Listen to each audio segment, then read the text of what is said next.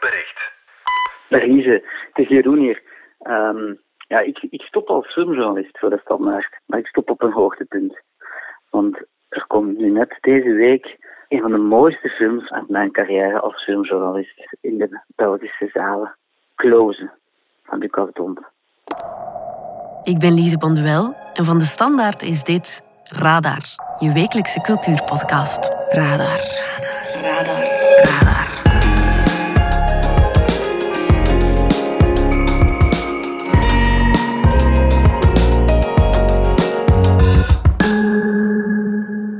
Laten we het eens hebben over regisseur Lucas Dont. 31 jaar, twee films gemaakt en voor allebei een award gekregen in Cannes.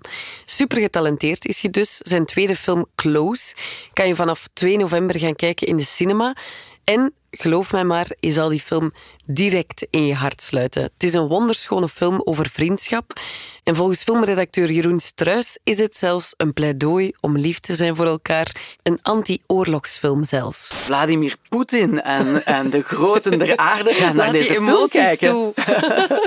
en het is jammer genoeg de aller, aller, allerlaatste radar met onze filmrecensent Jeroen Struis. Hij zoekt andere oorden op binnen de standaard, dus geniet ervan. Welkom bij Radar. Radar. Radar. Radar.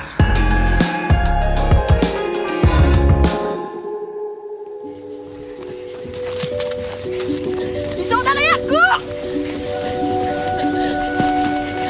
Ah, voilà toi. Je vais dormir chez Rémi ce soir. Tu reviens chez nous un jour? Peut-être. Dag Jeroen. Dag Lise. Wij hoorden net een stuk uit de trailer van Close, de nieuwe film van Lucas Dont. Hij opende Filmfest Gent. Komende week is hij ook officieel uit in de zalen, eindelijk. En jij hebt hem al gezien. Wat vond je ervan? Ik was er helemaal kapot van. Ik heb hem gezien in Cannes en je hebt hoge verwachtingen na Girl, of ik had hoge verwachtingen Ja. na Girl. Kan ik me inbeelden. Zijn vorige film. We gaan de vrouwelijke puberteit zo goed mogelijk nabootsen. Maar de effecten zijn dus wel onomkeerbaar. C'est pas compliqué. Tu veux qu'on me prenne pour une fille ou pour un mec Fie. Et voilà.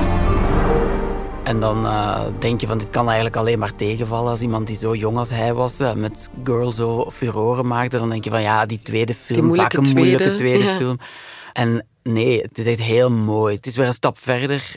Het is in de stijl van Girl, maar het is weer een hele andere film. Het is een hele kwetsbare, delicate film die ook gaat over het thema kwetsbaarheid, het toelaten van intimiteit. En elk beeld, elk geluid, elk stukje dialoog, alles is gewoon perfect in die film. Perfect gewoon. Ja, die perfectie heb je ook vijf sterren gegeven zelfs. Ja, ja, ik vind dat je dat ook af en toe moet durven doen als recensent en gewoon zeggen van sorry, maar dit is gewoon een unieke bijdrage aan de Belgische filmgeschiedenis en aan de filmgeschiedenis wereldwijd. En Ja. dit is een film die ik echt gewoon ja, meteen in mijn hart heb gesloten. En waarvan ik ook echt overtuigd ben dat heel veel mensen die eh, in hun hart gaan sluiten. En ook, het is um, emotionele cinema, maar het is ook wel iets nieuw. Hij doet wel iets speciaals met cinema. Hij vindt thema's die nog niet volledig zijn platgetreden. Hij vindt nieuwe thema's die aansluiten bij hoe wij vandaag in de wereld staan. En hier in dit geval is dat dat thema van kwetsbaarheid, intimiteit tussen jongens, tussen tienerjongens. Op die cruciale leeftijd waarin ze ja, voor het eerst naar school gaan. En Ja. Naar de middelbare school gaan, pardon. En het gaat over hoe de wereld kijkt naar jongens en intimiteit en waarom we het daar zo moeilijk mee hebben. Ja, want voor alle duidelijkheid, ze worden geportretteerd als vrienden, hè? Ja, dus het gaat over twee vrienden, Remy en Leo. En ja, je ziet eerst wat voor een unieke, intense vriendschap dat ze hebben, zonder complexiteit, zoals kinderen eh, Ja, dat hebben zonder met elkaar. nadenken. Zonder nadenken. Zonder... En ehm, met heel veel intimiteit ook tussen. En ja, logisch, als je jarenlang samen speelt, buiten, eh, in weer en wind en bij elkaar logeert enzovoort, ja, dan vallen de grenzen tussen elkaar ook weg. Ja. En dan gaan ze voor het eerst naar de middelbare school. En dan is het alsof ze plots zien hoe de buitenwereld naar hen kijkt. En dan ontstaat er plots een complexiteit. Dan gaan ze plots eh, vragen stellen bij... Oh, ja, maar is dat eigenlijk wel normaal? En ehm, het zijn de anderen eigenlijk die het niet normaal vinden en die er vragen bij stellen. Oh, zijn jullie misschien een koppeltje? Ha, ha, ha. Est-ce que je peux poser une question Est-ce que vous êtes ensemble Non, on n'est pas en couple. Je pense qu'ils sont meilleurs amis plus plus. Oui, on est plus plus, mais genre même quasiment frères. C'est pas. Peut-être que vous assumez pas. En zo via grapjes worden er eigenlijk ja, venijnige dingen gezegd die heel klein kunnen lijken voor degene die ze zegt, maar die immens zijn voor hen, die bij hen heel hard aankomen. En specifiek Leo gaat wel echt op zoek naar... ehm, ja, ik moet mij op een andere manier gaan verhouden tot mijn vriend. En eh, ik moet ook nieuwe vrienden maken. En dat Ja. betekent dat ik eigenlijk dan die vriendschap moet verraden, opgeven. Maar dan is er een dramatische wending in de film waar ik verder niks over kan zeggen om u het kijkplezier niet te ontnemen. Ja, ik weet het Ehm, zelf ook nog niet. Nee, nee, nee, nee, nee. En ik, ik denk ook echt dat je het moet eh, zelf ontdekken in de film. En zo ontstaat er een prachtige film die eigenlijk een pleidooi is om dat schild te laten vallen. Dat schild dat wij eigenlijk allemaal, ik denk ook meisjes en vrouwen, wij allemaal in die periode van puberteit eh, gaan we dat schild plots opheffen en gaan we ons verstoppen achter allerlei gedragingen, kledij. eh, deze film is een pleidooi om dat schild te laten vallen. En ja, een pleidooi voor oprechtheid, voor het toelaten van gevoelens, voor intimiteit. En voor een stukje vind ik ook dan als man dat deze film ook aankaart dat wij als jongens en als mannen heel slecht geëquipeerd zijn om dat te doen, om gevoelens toe te laten, om te praten met Ja. elkaar, om te praten over gevoelens. En daarom vind ik dat die films wel een thematiek aanraakt waar denk ik nu heel veel mensen mee bezig zijn. Ja. Waar mannen veel mee bezig zijn, waar jongens veel mee bezig zijn. En waar we ook in onze samenleving als geheel ook regelmatig op zijn gebotst de afgelopen jaren. Ja, van zeker. Mannen hebben bepaalde gebreken eh, doordat, doordat ze ook nooit geleerd hebben om daarmee om te gaan. Ja. Eh, en ik denk dan bijvoorbeeld aan eh, wat we meegemaakt hebben in de MeToo-schandalen bijvoorbeeld. Maar ook op een groter niveau. Ik vind dit zelfs eigenlijk een pleidooi. Je zou dit kunnen zeggen als een anti-oorlogsfilm. Je zou, je eigenlijk kunnen zeggen van...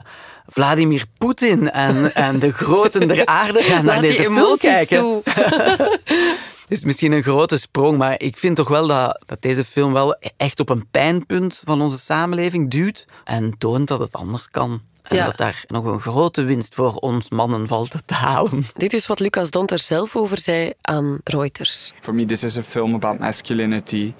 I think we're used to, unfortunately, images of men fighting.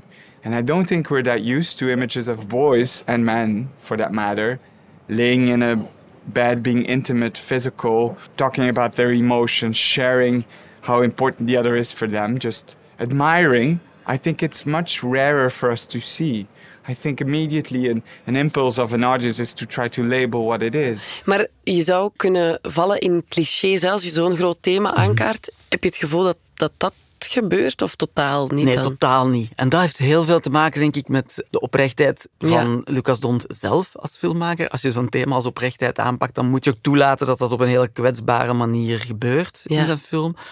En het heeft te maken met dat hij die clichés ook echt niet opzoekt en ook toelaat dat het soms een film is misschien die heel klein lijkt of zo. Ja. Want het speelt zich ook af op ja, het platteland. De moeder van Leo werkt in een bloemenkwekerij, of de, ja, het gezin werkt in een bloemenkwekerij. En het speelt zich af op school. Hij durft het ook wel klein te houden Ja. en daardoor ga je die clichés ook wel uit de weg. Ja, dat deed hij ook in zijn vorige film, hè? Girl. Ja. Dat eh, eh, subtiele van, van de film. En ook iets klein, maar dan uitvergroot in een uur en een half. Mhm, absoluut. En dan zit het gevaar daarin dat je dan toch een dramatische wending daarin steekt. Ja. Zoals in Girl bijvoorbeeld. En dat daar dan heel veel kritiek op komt. In het geval van Girl kwam dan kritiek omdat de film culmineert eigenlijk in een scène van zelfverminking. Na heel lang, hè? Die Na scène komt lang. heel laat. Ja, komt heel laat. Dus dat is een, een absolute plotspoiler. Maar ondertussen mogen we ervan uitgaan na vier jaar dat iedereen de kans heeft gehad om die film te zien. En heel veel mensen hebben die film gezien. Ja. En daar kwam kritiek op. Eén, omdat je er een echt een dramatische wending in steekt in een film die van het niet-dramatische eigenlijk net zijn punt maakt. Ja. En twee, omdat er ja, kritiek ook kwam vanuit LGBTQI-kant omdat je opnieuw het lijden van transpersonen gaat centraal stellen Ja. en eigenlijk het opnieuw problematiseert. Je gaat opnieuw zeggen dat transpersonen eigenlijk ja, bijna gedoemd zijn tot ongeluk. ja, terwijl je dat heel de film lang totaal, Totaal niet wil doen. Niet, Ja. niet doet, inderdaad. Hè. En dat het vaak heel voor evident wordt aangesteld. Een aantal dingen die gebeuren in de film. En ehm Close is unaniem op lof onthaald, kun je wel zeggen. Hè. Er zijn laaiend enthousiaste recensies gekomen na Cannes. Maar af en toe valt wel een puntje van kritiek te noteren. En dan is dat toch wel weer die dramatische wending die er komt. Omdat men vindt, kijk, dit- het is net zo mooi dat je gewoon die intimiteit tussen jongens toont. Dan heb je zo'n dramatische wending niet nodig. Maar ja, ik vind wel, je bent nog altijd fictiefilm aan het maken. Je bent Ja. nog altijd eh, wel in het genre drama bezig. Hè? Dus is het je wel toegelaten, vind ik ook wel, om enig drama in je film te steken. En, enfin, à discuter, dan moet je voor naar de film gaan kijken en dan heb je ook wel iets om over te praten achteraf. Ja, ik ben wel heel benieuwd, ook wel naar de dramatische omwenteling. Nu ontdekken ze toch hun geaardheid, of is er toch een zeker LGBTQ-thema aanwezig? Het is ehm, subtieler in deze film. Als je het er wil in zien, dan zie je het er zeker in. En dan zit het er ook in. Ik denk dat het veel ruimer is dan dat. Ik denk dat het gaat over intimiteit, los van alle mogelijke labels die je daar dan achteraf op gaat plakken. Ook omdat onder tieners het er zo aan toe gaat natuurlijk. Hè. En- Of onder iedereen eigenlijk. Hè. Ja. Eh, het is eigenlijk de omgeving die er labels op gaat plakken. hè. Het zijn niet de mensen zelf. Hè. En deze film bekijkt het echt heel hard vanuit het standpunt van Leo en Remy. En vooral Leo dan. Dus nee, ik zou zeggen dat het niet expliciet een LGBTQI film is. Maar eh, ja, dat het zeker wel er zich toe leent om het daarin te zien of zo. Het tast de grenzen wel een beetje af. Ja, je kan het er zeker wel in zien. Ik denk dat mensen die na Girl verwachten veel mensen misschien wel om echt zo'n opnieuw een toch explicietere LGBT-film te zien of een queer film te zien. En dat is zeker niet expliciet zo, maar eh, ja. Ja, ergens De tussen kracht lijnen ervan wel. zit natuurlijk net daar. Hè, dat je het, niet, het hoeft niet per se gelabeld te worden. Hè. Ja, het is niet in your face, zoals het in het echte leven ook niet altijd ook zo niet is, altijd denk zo ik dan. is. En, ja, inderdaad. Heeft hij uit zijn eigen ervaringen geput? Ik vind dat je wel voelt aan de film dat dit heel dicht bij hemzelf ligt. Ja. Voor Girl had hij zich geïnspireerd op het verhaal van Nora Monsecourt, hè, Ja. een danseres. En met deze film denk ik dat het dichter bij hemzelf komt. En hij vertelde mij ook in een interview dat ik met hem had in Cannes, dat hij zelf als kind heel wat jongens had weggeduwd. Ook vanuit de reflex, ik ga gelabeld worden als homoseksueel bijvoorbeeld. Of alle mogelijke scheldwoorden, het hele scala aan scheldwoorden dat we daar, of dat kinderen daarvoor hebben al. Hè. Ja. En dus dat het zeker wel uit zijn eigen ervaring ook wel eh, geput is. Het is een, zeker een persoonlijke film. Ik denk dat ik zelf iemand was die het gevoel had dat hij niet echt behoorde bij de groep meisjes, niet behoorde bij de groep jongens. En dat heeft een bepaalde eenzaamheid gecreëerd, denk ik, voor mij. En ook een bepaald gevoel van schaamte, omdat ik daar niet echt over wou praten, niet echt wou over communiceren.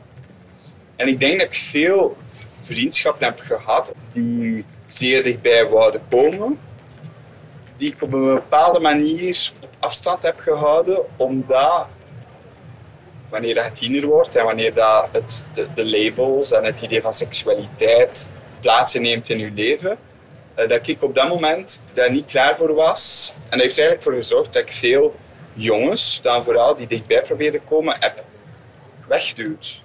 Of heb verraden of vriendschappen bewust heb afgehouden.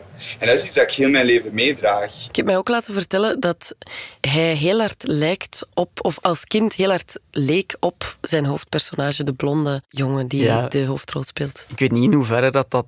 Ja, Misschien waar- is het gossip. Ja, ik weet, niet, ik weet niet in hoeverre dat daar zo psychologie speelt van een regisseur bij een casting. Maar in elk geval spelen die kinderen dat, dat geweldig. Hè? Eh, Eden, Dambrine en Gustave de Walen. Ja, dat zijn kinderen, dat zijn geen acteurs natuurlijk. Hè? Dus ehm, ze hebben een hele ruime casting gedaan. En ehm, ik neem aan dat hij het niet per se zal gecast hebben omdat hij op hem lijkt of zo. Maar misschien spelen er onderbewust toch wel zoiets eh, een rol. Ja. Maar het zijn ook twee jongens die die kwetsbaarheid ook echt in zich dragen of zo. En daar zal je natuurlijk wel op zoek gaan als je zo kinderen cast. Ja. Maar ja, ze doen dat eh adembenemend. Ja, dat is wel knap om, om te zien. ja, de casting van een van de twee hoofdrolspelers is op een wel heel bijzondere manier gebeurd. Hè? Dat vertelde Lucas Dont aan Reuters. I was taking a train from Antwerp to Ghent, and uh, I had just started writing down the first lines of the script. And next to me in the train, there was this young boy talking about his school towards his friends, and I was just looking at him, and I, I just thought, what an incredible young person. And I, I asked if he wanted to do a casting. He did want to do a casting, luckily. Nu, Lucas Dont is zelf nog maar 31. Hè?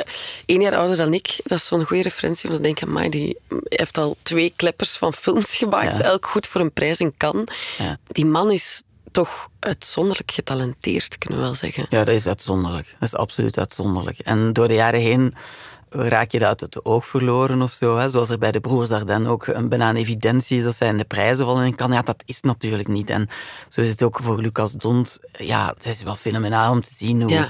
hoe hij eh, twee zulke uitzonderlijke films aflevert. En allebei echt hoge toppen Je, scheert. je gunt hem ook eens een slechte film, waarom niet? Ik bedoel, eh, Ga eens op je bek.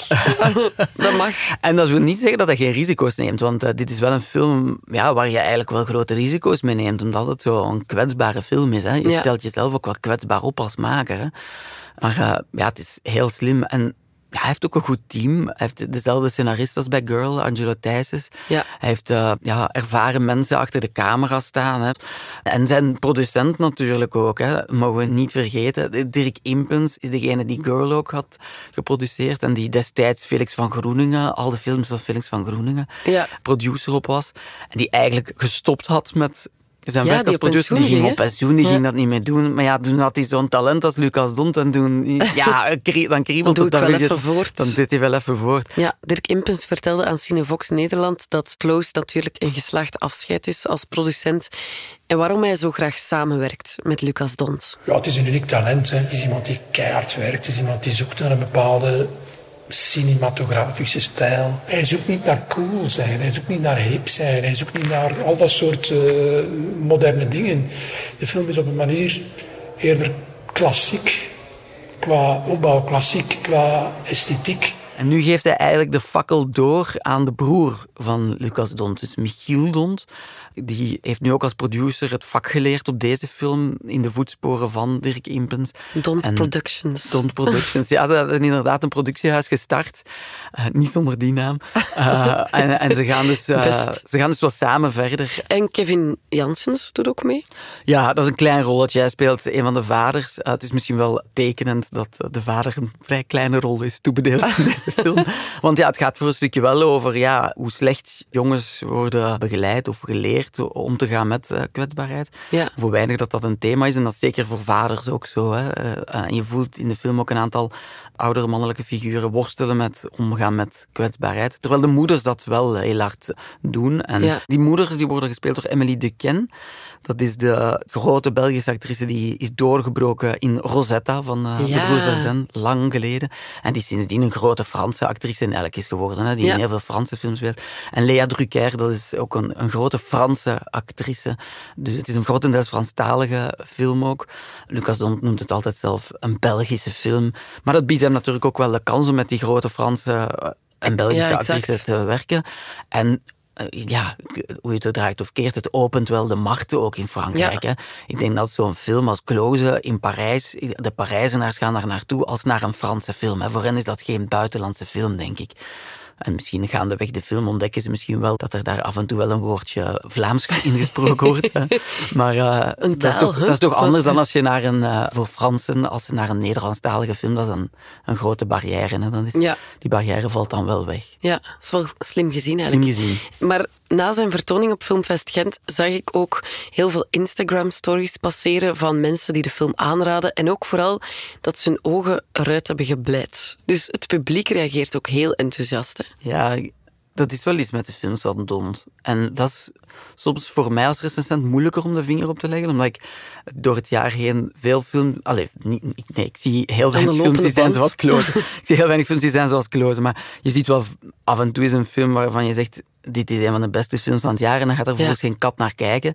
Dat is meestal het lot van auteurscinema. Terwijl eh, Lucas Dont er wel in slaagt om toch een publiek te vinden. Voor Girl toch in elk geval heeft hij een breed publiek gevonden. En voor Close is het er nog misschien een beetje af te wachten. Hè? Ja. Maar ik voel wel van, ja, hier zit een publieksfilm in. Dit is een film die een groot publiek kan ontroeren. Ja. ja. Er wordt nu al zelfs gefluisterd dat Close goed zou zijn voor een Oscar. Dat is nog heel, heel woorden, vroeg. Ja. dat is vooral nog heel vroeg. Hè. De shortlist moet nog bekendgemaakt worden in december pas. En dat is nog maar de shortlist. Dan moeten nog de nominaties volgen. Hè. Maar wat wel duidelijk is, is dat de Amerikaanse filmbladen eh Close tippen als kandidaat. Maar de weg is nog lang. En Girl destijds dacht ik ook wel van, die maakt grote kans. Want de Amerikaanse pers schreef daar heel veel over en daar was buzz over. Maar dan is er wel een backlash gekomen vanuit LGBTQ-hoek. En dat heeft toen de Oscar-campagne weinig deugd gedaan. Ik denk dat dat er hier niet in zit. Ik, denk, dat, ik denk dat dit een beetje vrij staat van dat soort controverse, mag ik hopen. Maar um, dat is echt nog allemaal af te wachten. Ja, spannend. Hij wil wel heel graag eens winnen. Hij droomt er al van sinds zijn kindertijd. Ja, wie niet? nee, Wanneer winnen wij eigenlijk eens een Oscar? uh, nee, nee, dat is inderdaad wel zo. Hè. Hij wil dat heel graag en het is hem ook absoluut gegund. Ja. Maar hij is natuurlijk nog echt jong, hè. hij is 31. Ja hij zal nog wel kansen krijgen, denk ik. Zeker en vast. Maar um, waarom niet met deze film? Ja, absoluut. Ja, ja en ik hij hoop won het wel. al andere prijzen ook, hè? En hij won ook al andere prijzen. Hè. Hij wint nu op redelijk wat filmfestivals. Maar ja, je kan daar niet te veel in lezen, denk ik. Uh, want ja, dat zijn dan keuzes van een jury hier en een Uiteraard. jury daar. Maar je kan daar nog niet te veel in lezen voor dan die grote Oscar Academy. Maar in elk geval komt je film zo wel in de aandacht. Hè. Dat is wel zo.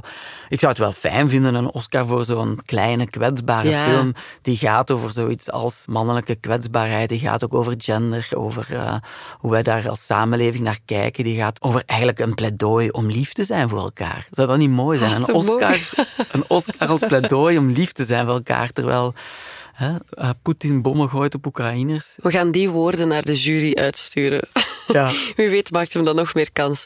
Wanneer komt de film in de zalen? Wanneer kunnen we hem kijken? Er zijn al wel wat avant-premières geweest. De film is in, op Filmfest Gent te zien geweest. En nu komt hij dan echt uit woensdag in de Belgische bioscopen. En ik zou zeggen, ja, ga daar naartoe, want dit is één, een prachtige film die je raakt. En twee, Een pleidooi voor de Een liefde. pleidooi om lief te, om lief Om te lief zijn te voor zijn. elkaar. En dat, is, dat is nog ruimer dan de liefde. Hè. Dat, is, dat is iets dat ook wel heel erg aan mij leert. Zoals, en aan iedere persoon, denk ik. Hè. We zijn soms heel hard voor elkaar. En dit zijn misschien ook tijden waarin we heel hard zijn voor elkaar op Twitter, op Facebook eh, en op school. Ja. En dan is dat wel mooi om zo'n film te zien. Ja, wie kan daar nu nee tegen zeggen? Ja, Nog vier dagen. Ik ga al beginnen aftellen. Jeroen, bedankt. tot ziens. En ik heb hier nog een extra cultuurtip voor jou. Radar. De tip komt deze week van... Geert van der Speten, redacteur cultuur. Wat is jouw tip? De tentoonstelling Albast in M. Leuven. En waarom? De tentoonstelling is bijzonder in die zin dat ze volledig gewijd is aan beeldhouwkunst en wel aan één type, in albast. Het was populair omdat het eh, makkelijker te bewerken was dan eh, marmer en ook het was voorhanden in onze contraien. De tentoonstelling is samengesteld in samenwerking met het Louvre, wat betekent dat ze toch wel hele mooie stukken in huis hebben gehaald, zowel grote monumentale werken, grafmonumenten, als kleine stukken die gewijd zijn aan eh, privédevotie, eh, kleine beeldjes. De grafmonumenten, daarvoor was Albast een tijd lang heel populair. En dat kwam omdat Albast zich bijzonder leent tot het eh, weergeven van de menselijke huid. Dus om eh, beelden van de overledenen eh, af te beelden, was het wel een heel geschikt materiaal. En er is zelfs één redelijk luguber beeld bij, waarin eh, de overleden figuur eh, al bijna afgetakeld is in het graf. Prachtig zijn ook de stukken die bedoeld waren voor huiskamers. Het is een toptentoonstelling, niet alleen voor de liefhebber, maar ook voor wie zich eens wil verbazen over hoe fragiel, eh, teder en spectaculair beeldhouwkunst kan zijn. De tentoonstelling loopt nog tot 26 februari in M. Leuven. Bedankt voor jouw bijdrage. Radar.